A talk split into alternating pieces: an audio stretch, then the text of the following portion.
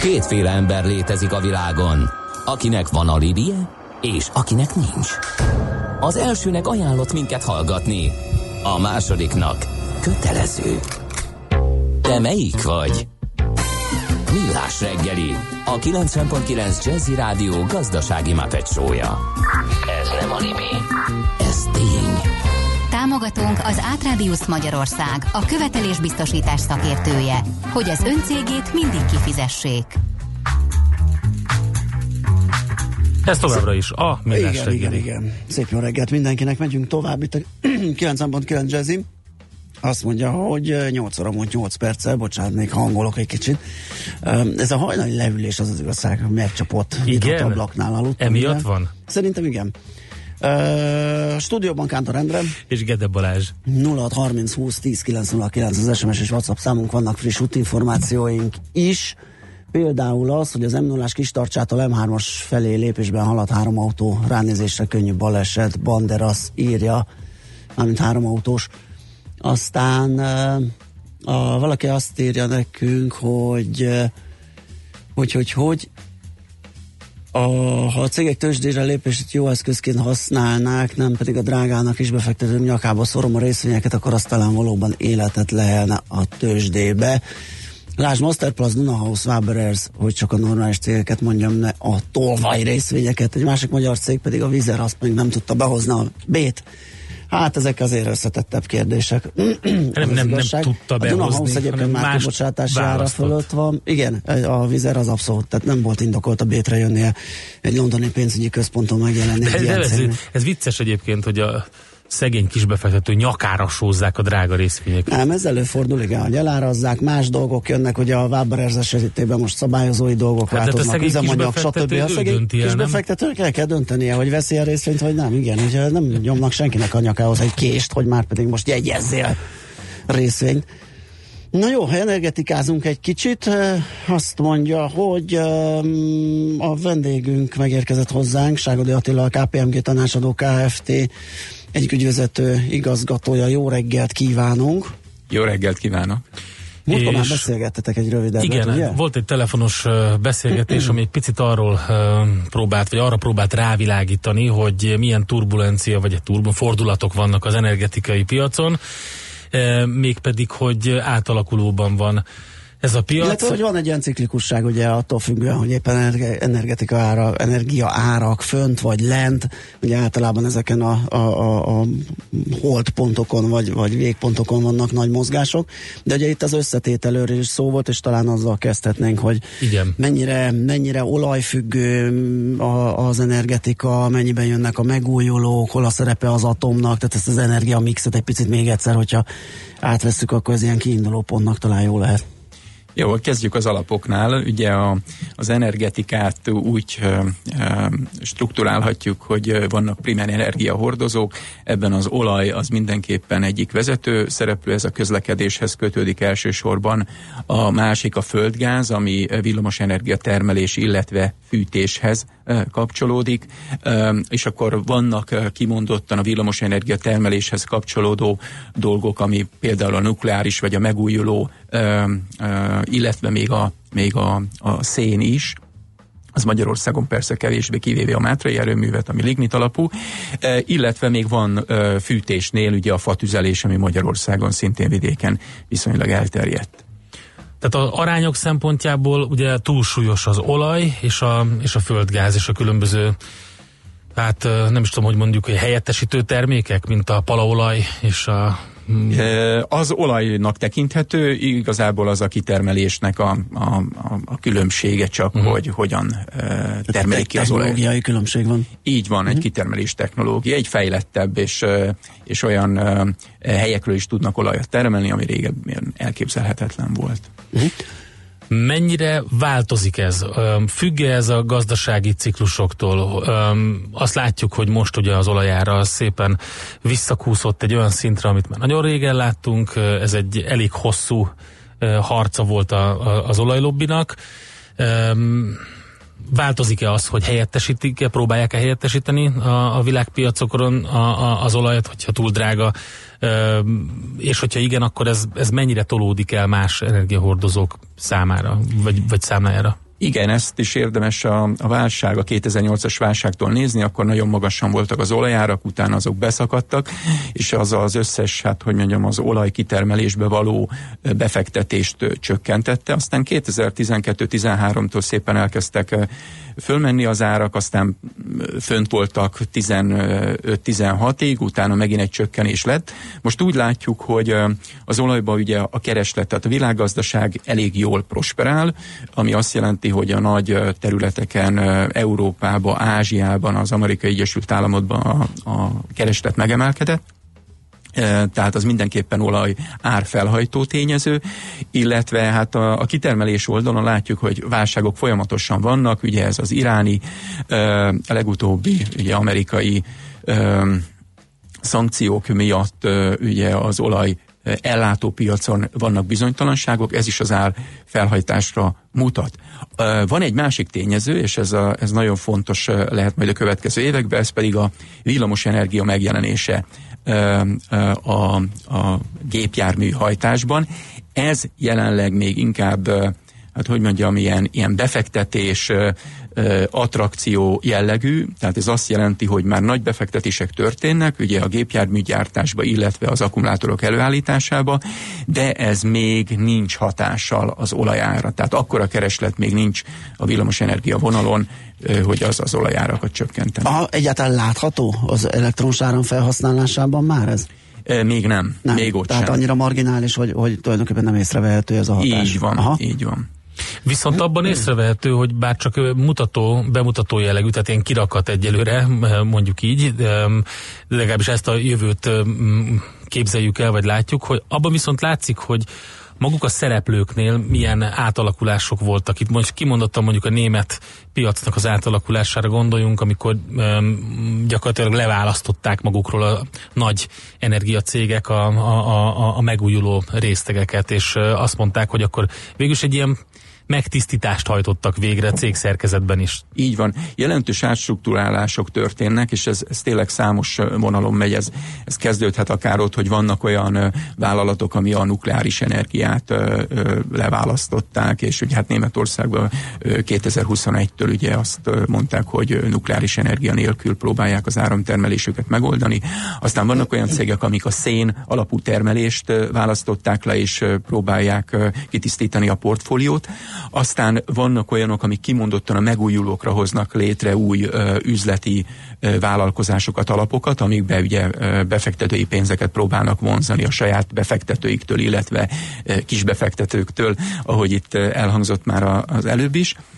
Úgyhogy ez, a, ez az átstruktúrálódás megindult. Ha kimondottan a közlekedést nézzük, és ott a, az olajszektort, az például Németország beléggé látszódott, hogy ott a, a töltőállomások egyre kevésbé kapcsolódnak a, a nagyobb cégekhez.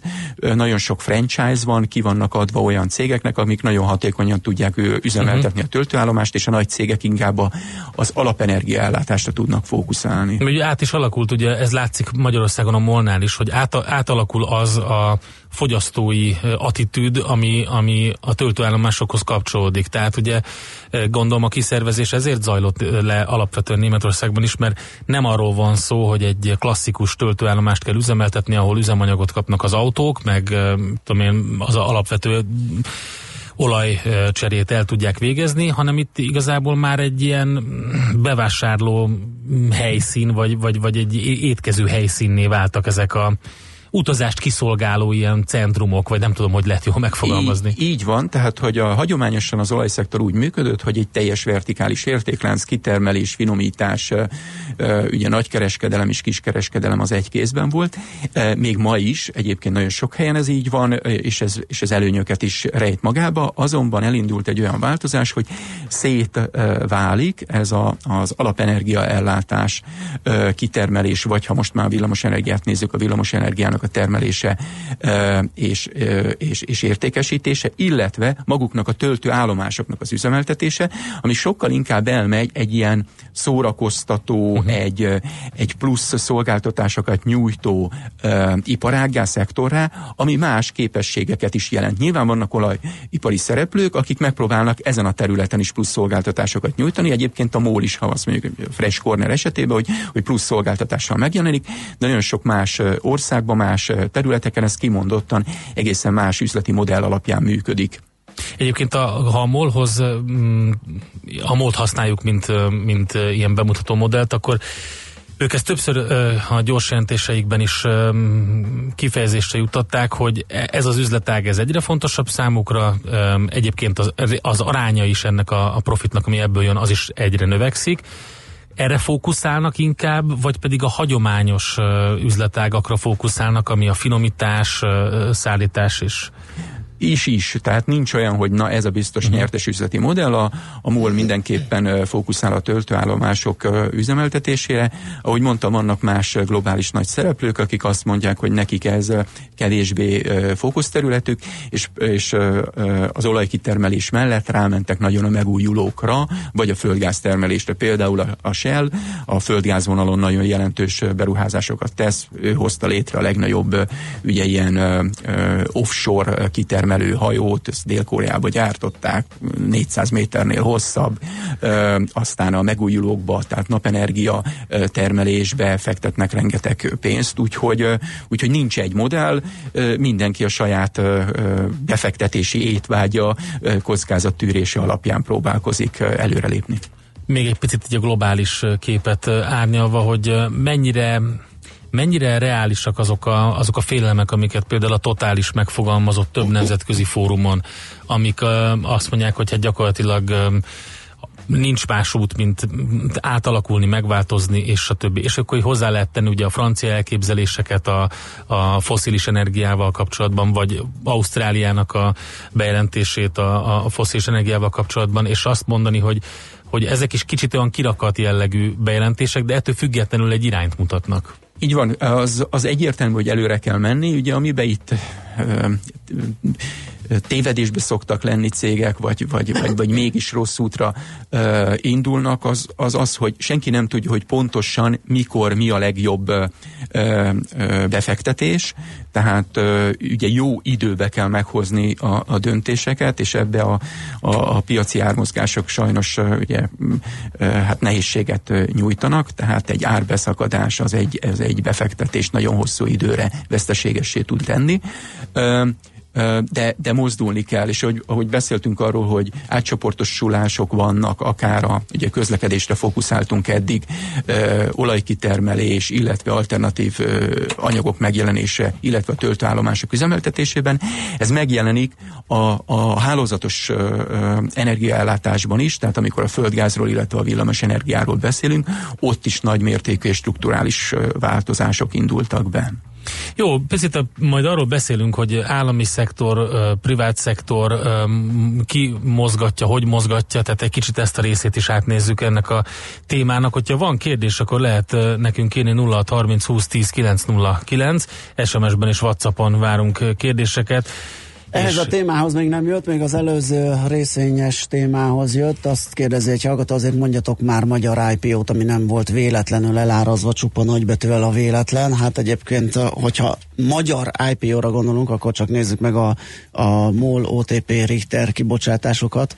Azt hiszem, akik a Lehet, hogy most a, a, a, mostaniba, a mostaniban pedig ott van, amit mondtam, ugye a Dunahouse-t, ami a kedvezményes árjegyzéssel, most számoltam ki, közel 20%-ba pluszba lehet lenni másfél év alatt az akkori kibocsátási ársával aljában. A kibocsátási ár az egy pillanatfelvétel, és nem muszáj benne részt venni, még egyszer elmondjuk, tehát lehet, De nem, szerintem itt ezen a nagybetűs véletlenem van a hangsúly. Azon tehát... igen, mert sokan azt gondolják, hogy rá van mérve a lakosságra egy nagy adag részvény ma hatalmas áron. Hát figyelj, én ezzel én nem értek Szerintem egyet. nézzük meg a Norbi Update történetet. Nagyon Vannak, sokszor kiveséztük persze, a sztorit, itt is megbeszéltük, elmondtuk a veszélyeket, igen, elmondtuk igen, azt, igen. hogy az árazás milyen. Sajnos nem, nem egy kötelező képlet, hogy, hogy egy IPO-ban feltétlenül nyerni lehet, bármennyire is úgy néz ki időnként.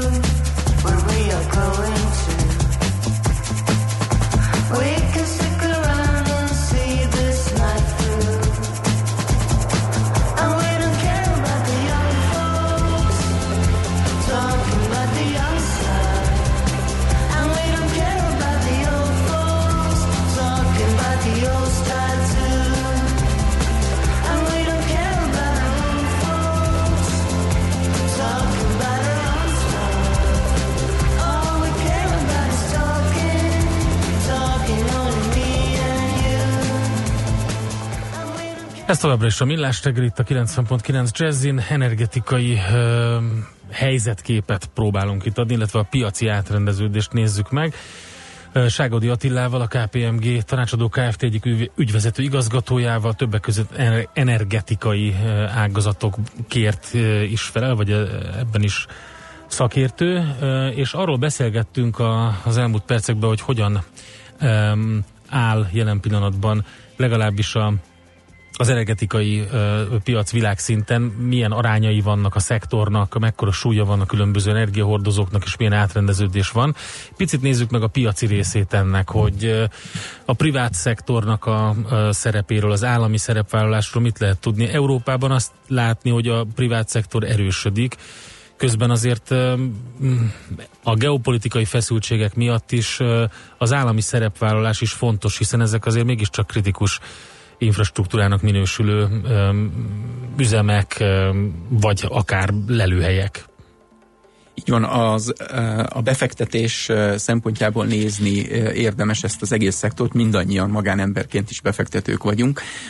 Ugye még akkor is, ha az állam fektet be valamibe, végül is az állampolgárok állnak mögötte. Én négy nagy befektetői csoportot tudnék azonosítani. Az első az állam, valóban a másik a nagy multinacionális cégek, egyébként Magyarországon, ha nézzük, a MOL is ennek tekinthető. Aztán vannak a jelentős magánbefektetők, tehát akik nem kis befektetőként, hanem jelentős tőkével rendelkeznek. Ezek Magyarországon is megjelentek. Egyébként a villamosenergia földgázszektort nézünk, akkor több ilyen szereplőt is tudunk már azonosítani. A MET ilyen Magyarországon vannak olyan töltőállomás üzemeltetők, akik ennek tekinthetők. Aztán a Mátrai erőmű is magyar magánbefektetői körbe került, illetve a Tiszai erőmű is magánkézbe van. Tehát vannak jelentős nagy szereplők, aztán vannak olyanok is, mondjuk egy kisebb kisebb mértékben, de ez is több száz millió, illetve milliárdos nagyságrendet jelent, akik megújuló, most az elsősorban Magyarországon napcellás, napelem erőműveket jelent, ami akár egy-két milliárd forint nagyságrendben is jelenthet befektetési értéket, és végül a negyedik csoport pedig ugye a kisbefektetők, akik akár tőzsdei cégekbe tudnak megjelenni. Mire lehet számítani, hogy milyen piaci átrendeződés történik? Vagy van-e, van-e mm, olyan forgatókönyv, ami nagyon valószínű? Tudom, a, ezt nehéz megítélni, de... A válság után ugye az állam szerepe erősödött meg, és mind a mai napig lehet mondani, hogy például a nukleáris energia az olyan, amiben, amiben állami szerepvállalás nélkül elképzelhetetlen magánbefektetőt találni. Ez a megtérülés hossza, illetve a, a nukleáris energiával kapcsolatos biztonsági dolgok miatt van, hogy, hogy magánbefektető e, ebbe jelenleg sem Magyarországon, sem máshol a világon nem nagyon tud száz százalékban legalábbis megjelenni. Lehet, hogy, hogy kisebbségi részesedéssel igen.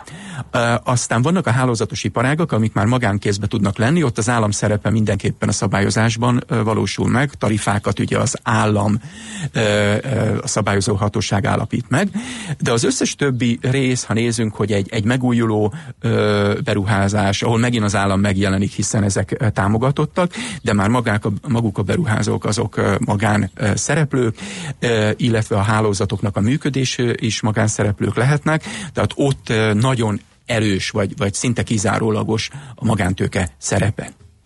A hálózatos résznél, menjünk vissza egy picit, nagyon érdekes az, hogy hogy vannak különböző elképzelések, például az elektromos hálózatoknak a fejlesztésére, akár világszinten is, ilyen, ilyen úgynevezett szupergridek létrehozására, és ezzel kapcsolatban viszont van egy olyan potenciál, amit, amit ugye ki tudna használni akár Magyarország is, hogy hogy olyan területekre szállítson áramot, akár a környező országokba, ahol ahol éppen szükség van rá, amikor túltermelés van, vagy amikor nincs akkor a felvevő kapacitás Magyarországon, hogy ebbe tudunk labdába rugni közép-európai, vagy akár kicsit mm, távolabbi európai szinten is?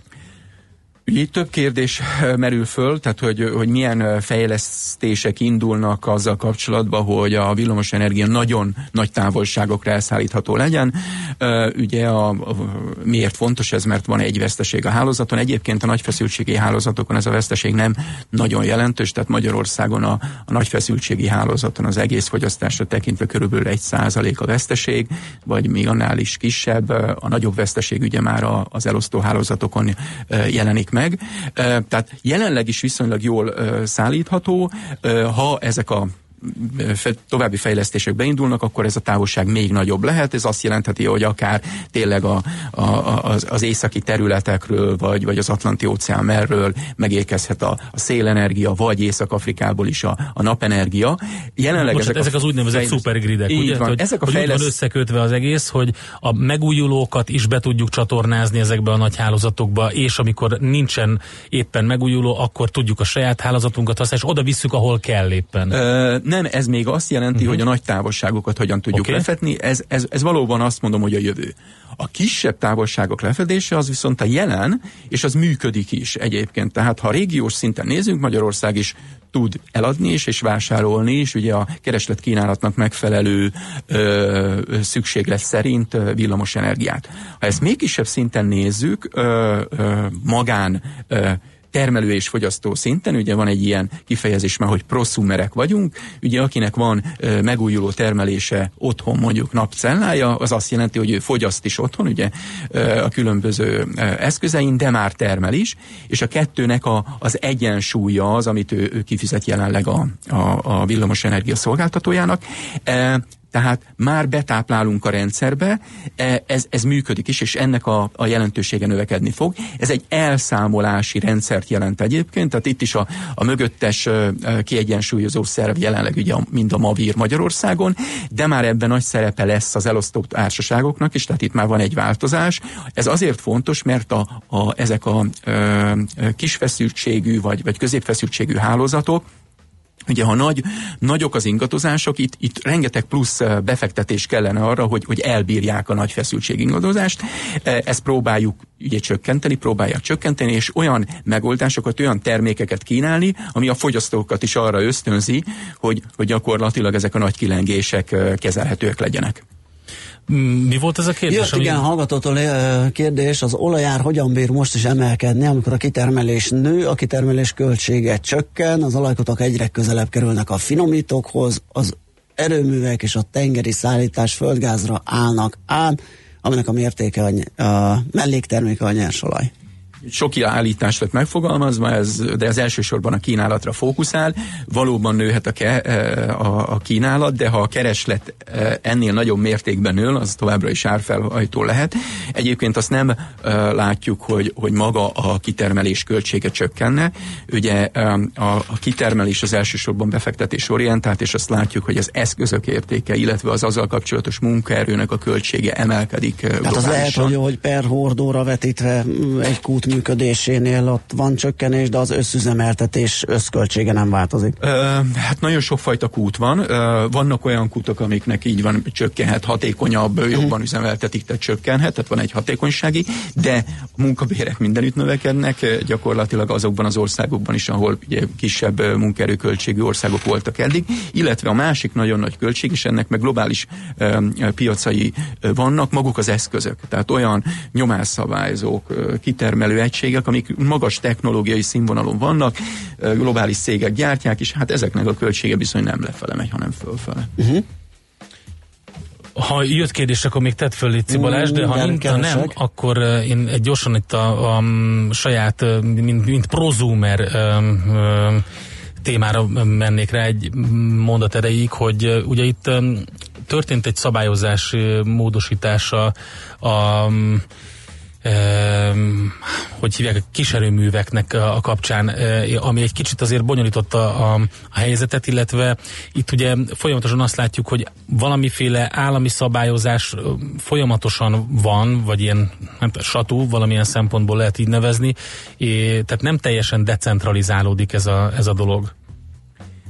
Hát decentralizálódik abban az értelemben, hogy egyre több és kisebb ugye, termelőegységek jönnek létre. ennek a szabályozás oldalát úgy lehet nézni, hogy például itt van a KÁT rendszer, ez a kötelező átvételi Igen. rendszer. A megújuló kapcsán e, ezek, vagy ez biztosítja azt, hogy, hogy ami meg van termelve villamos energia, az mindenképpen át van véve a rendszerbe, és ezért a, a, ugye a a központi elszámoló, ami jelenleg a Mavid, az fizet ugye az, elosztó energiaszolgáltatón keresztül a végfogyasztónak ugye meghatározott díjat, ami ugye magasabb, mint a, mint a piaci villamos energiár. A, a, a, a KÁT rendszer megszüntetésekor, körülbelül két évvel ezelőtt, még rengeteg napenergiára vonatkozó engedély került beadásra és jóváhagyásra is. Ezek alapján történnek most egyébként e, ilyen, ilyen napszella fejlesztések. Egyébként ezek nem prozúmerek, ezek csak termelő egységek. Ja, uh-huh. e, és, és, és ezek most vannak fejlesztés alatt, a legtöbb volt, van, ami már elkészült, termelésbe fog állni, de itt még nagyon sok fejlesztés van.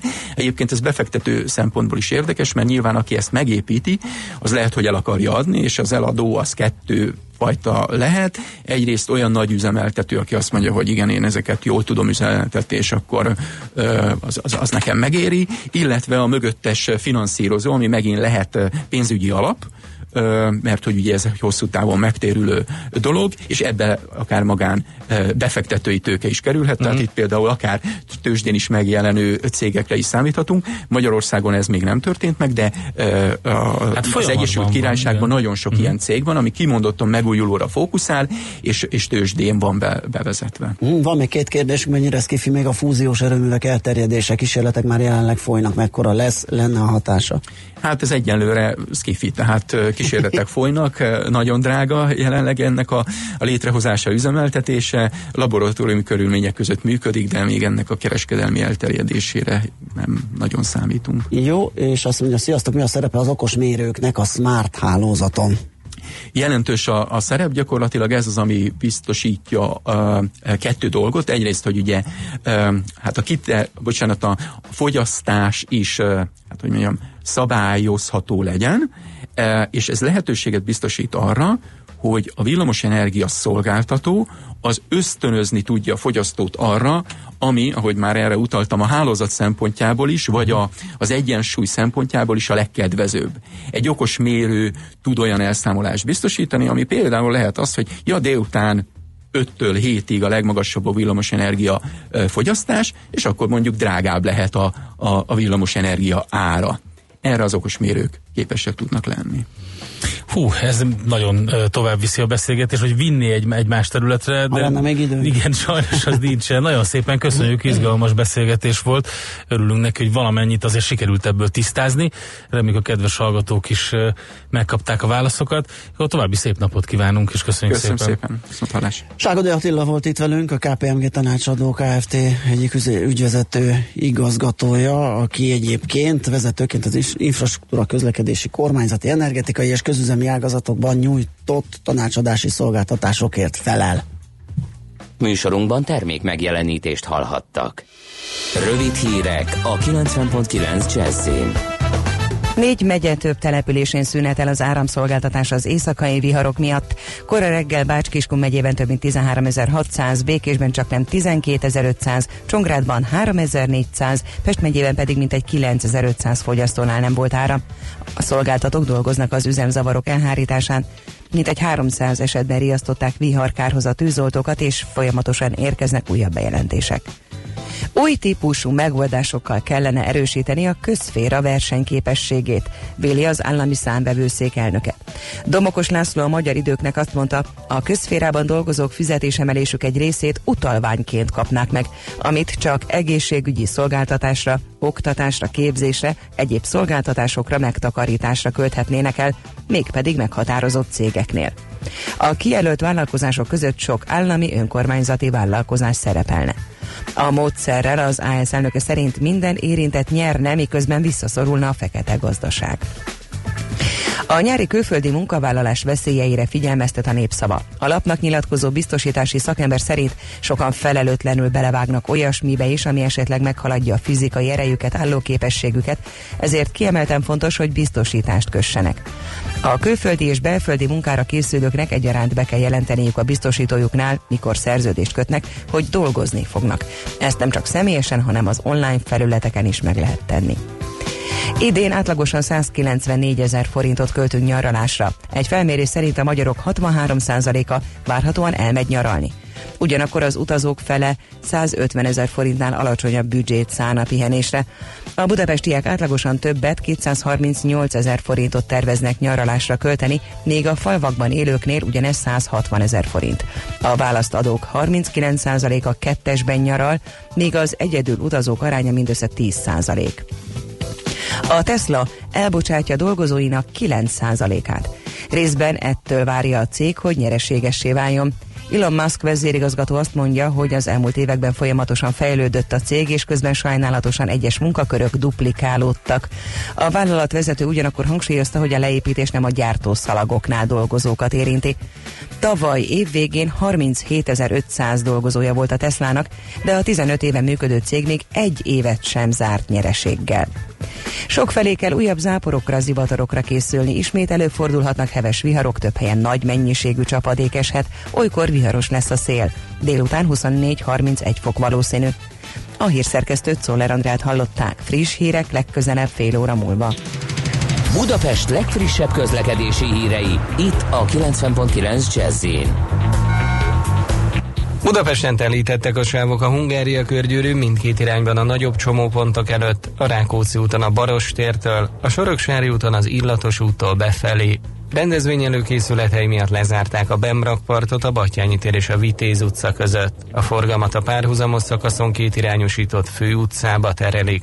Az országúton a Pünkösfürdő utcánál korlátozásokra készüljenek közműépítés miatt. A múzeum körúton mindkét irányban sávlezárásra készüljenek csatorna tisztítás miatt. Pongrász Dániel, PKK Info. A hírek után már is folytatódik a millás reggeli. Itt a 90.9 jazz Következő műsorunkban termék megjelenítést hallhatnak.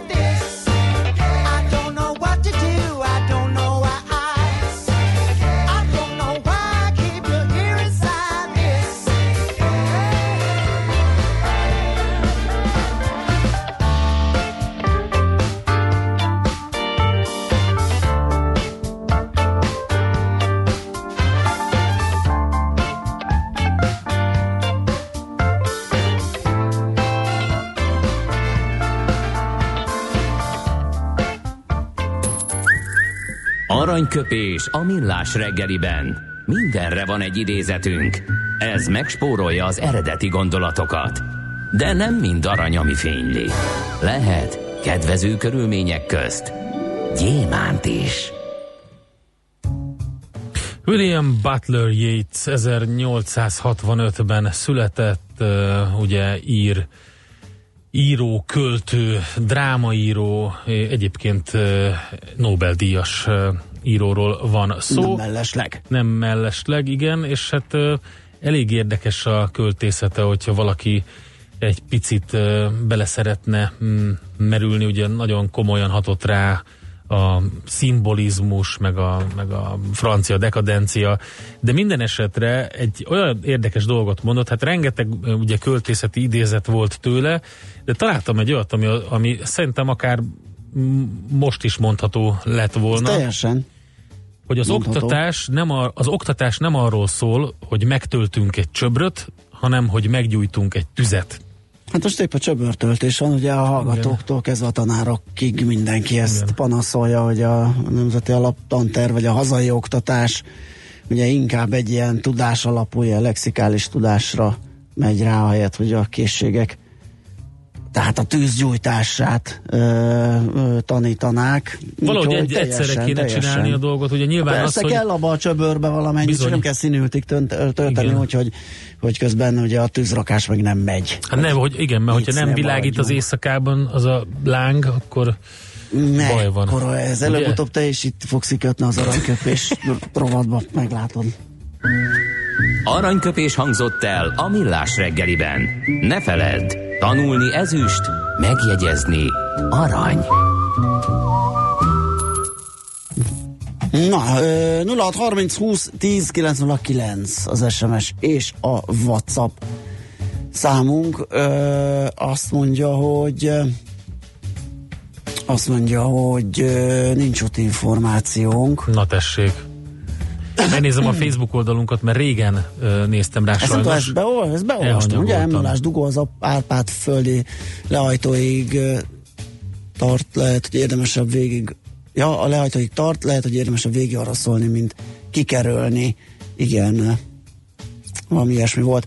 Uh, mit mondasz, Facebook? Igen, azt mondom, hogy vannak bejövő üzenetek, csak most éppen lassan töltött a gépem, és ezeket nem olvastam el korábban, meg kicsit elhanyagoltam a reggeli fotó óta a Facebook oldalunkat, úgyhogy majd arra fogok figyelni. Ja igen, kérdezték tegnap még a kedves hallgatók, hogy ki volt az a fiatal lány, aki beszélt a startup témában.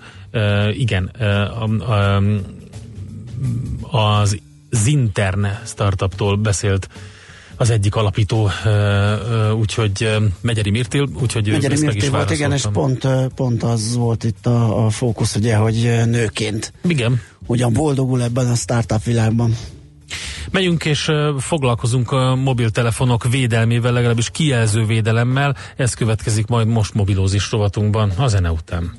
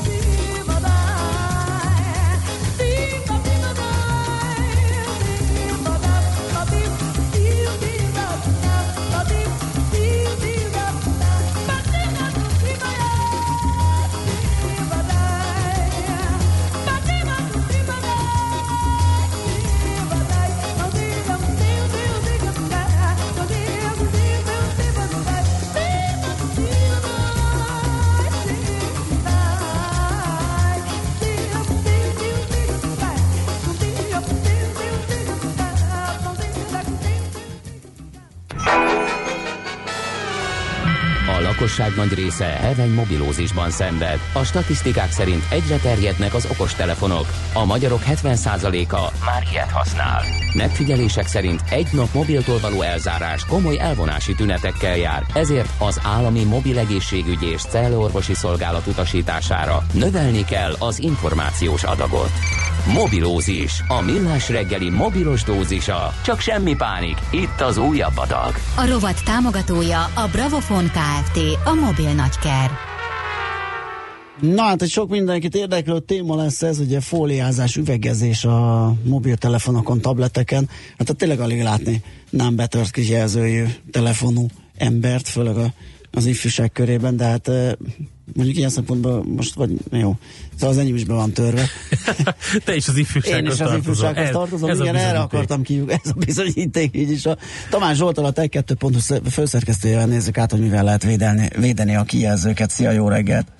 Sziasztok, jó reggelt kívánok mindenkinek! Lehet-e egyáltalán hatékonyan megvédeni a kijelzőt attól, hogyha mondjuk ilyen most maradjunk valami normális léptéknél, mondjuk ilyen zseb, farzseb magasságból lepottyantjuk a telefont vagy a tabletet? Az a gond ezzel, hogy alapvetően igen a válasz a kérdésre, Aha. de gyakorlatilag tudjuk, hogy ezek a matériák meglehetősen sérülékenyek. Tehát le tudunk ejteni egy poharat is, akár fejmagasságból, anélkül, hogy összetörjön, de el is dönthetjük, és akkor is össze tud törni. Igen. Tehát, hogy mm, ez pont attól is függ, hogy milyen felületre érkezik uh-huh. a telefon, illetve milyen részével, mennyire feszülnek a, az elemek benne. Tehát, hogy lehetséges, hogy már mondjuk használjuk másfél éve, volt napon, volt hidegben, Aha. és már ott azért az üveg feszül, és egyszer csak elpattan, mert pont úgy esik le a földre. De gyakorlatilag tényleg érdemes valamivel védeni ezeket az okos telefonokat, hiszen sérülékenyek, főleg úgy, hogy azért manapság az elő és a hátlap is gyakran készül üvegből, főleg a csúcs kategóriában, annak okán, hogy vagy a vezetékmentes töltés lehetséges legyen, vagy pedig így lehet vékonyítani esetleg a telefonokat. Tehát többféle védelem létezik, tehát hogy a fóliától kezdve a tokokon át, magán a gyártón keresztül mindenig. Uh-huh. Maradjuk a fóliánál, üvegnél. Én, én személy szerint egyébként nem vagyok egy tok párti, mert elrejti a telefont. Én a telefont úgy szeretem, ahogy az meg van dizájnolva, de látom, hogy nagyon sokan uh, tokban hordják a telefont. Endre is nagyokat vigyorog, szerzett valami tök jót, bár most, ja de rajta van. Miért látod? Nem is vetted észre? Ha-ha. Igen, igen, igen. Uh, szóval, uh, szóval fólia és üveg, uh, ott, ott mit lehet tenni? Bízunk a gyártóban, eleve úgy válasszuk meg a telefont, vagy tudunk-e plusz rá tenni, kenni valamit a kijelzőre, ami működőképes?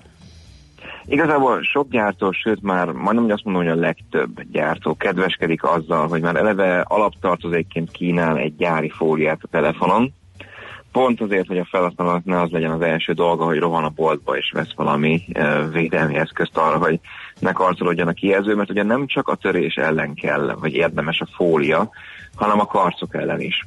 Én személyes tapasztalatból tudom, hogy mivel pont olyan készüléket használok, ami elő és hátul is üveg, ugye a telefont az ember belerakja mondjuk vezetés közben a, a tartóba, amikor GPS-en keresztül próbál navigálni, vagy éppen valamilyen más tartóban rárakja az asztalra, és hiába van a Gorilla Glass megoldás, a legelterjedtebb megoldás, ami ugye védi a karcoktól, illetve a sérülésektől elvileg ezeket az üvegeket, de ettől függetlenül bármikor tudunk mikrokarcokat, vagy éppen mélyebb sérüléseket okozni az üvegben, és pont ezt is megpróbálja kiküszöbölni, azt, hogyha egy fóliát választunk. Tehát alapvetően a telefonnak a szépségét, egységét is meg tudjuk ellenőrizni, amellett, hogy védjük is esetleg az esetleges törésektől. Érdemes ezt időnként cserélni esetleg? Mindenképpen, hiszen elhasználódik, Aha.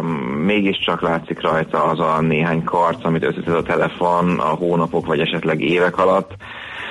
Többféle lehetőség van, tehát veszünk egy sima műanyag fóliát, ami hát, igazából csak tényleg attól védi a telefont, hogy esetleg a karcok ne a kijelzőn látszódjanak meg, hanem rögtön a fólia ezeket elfedje. Az üvegfólia egy fokkal biztonságosabb megoldás, de némileg vastagítja a telefont. Ez a némileg ez tényleg csak nagyon minimális mértékben, tehát 0,1 mm esetleg, vagy, vagy tényleg ilyen, ilyen marginális mértékben. De az üvegfólia mégis egy olyan megoldás, ami azért jobban képes felfogni mind az ütéseket, mind az ilyen sérüléseket. Én, én nem tudom, melyikre szavaznék őszintén szólva. Az üvegfóliánál az a probléma, hogy nagyon sok telefonnak hajlított, vagy legalábbis a széleknél némileg ívelt kijelzője van. Na már most az üvegfóliát nem tudják úgy megoldani, hogy ez az üveg pontosan illeszkedjen, ezért rendszerint a kijelzőnek a szélét, jobb és bal szélét üresen hagyja egy üvegfólia. Tehát az ugyanolyan sérülékeny marad, középen pedig nyilván védve, és ez mondjuk használat során sem mindig kényelmes. Ha meg azért az elég drága is, nem? Tehát nyilván van egy határ, hogy meddig védem, mert azt mondom, hogy veszek egy másik telefont, hogyha olyan az ára, vagy egy kijelzőt, tehát abban sem lehet, árban sem el lehet, lehet elmenni bármeddig.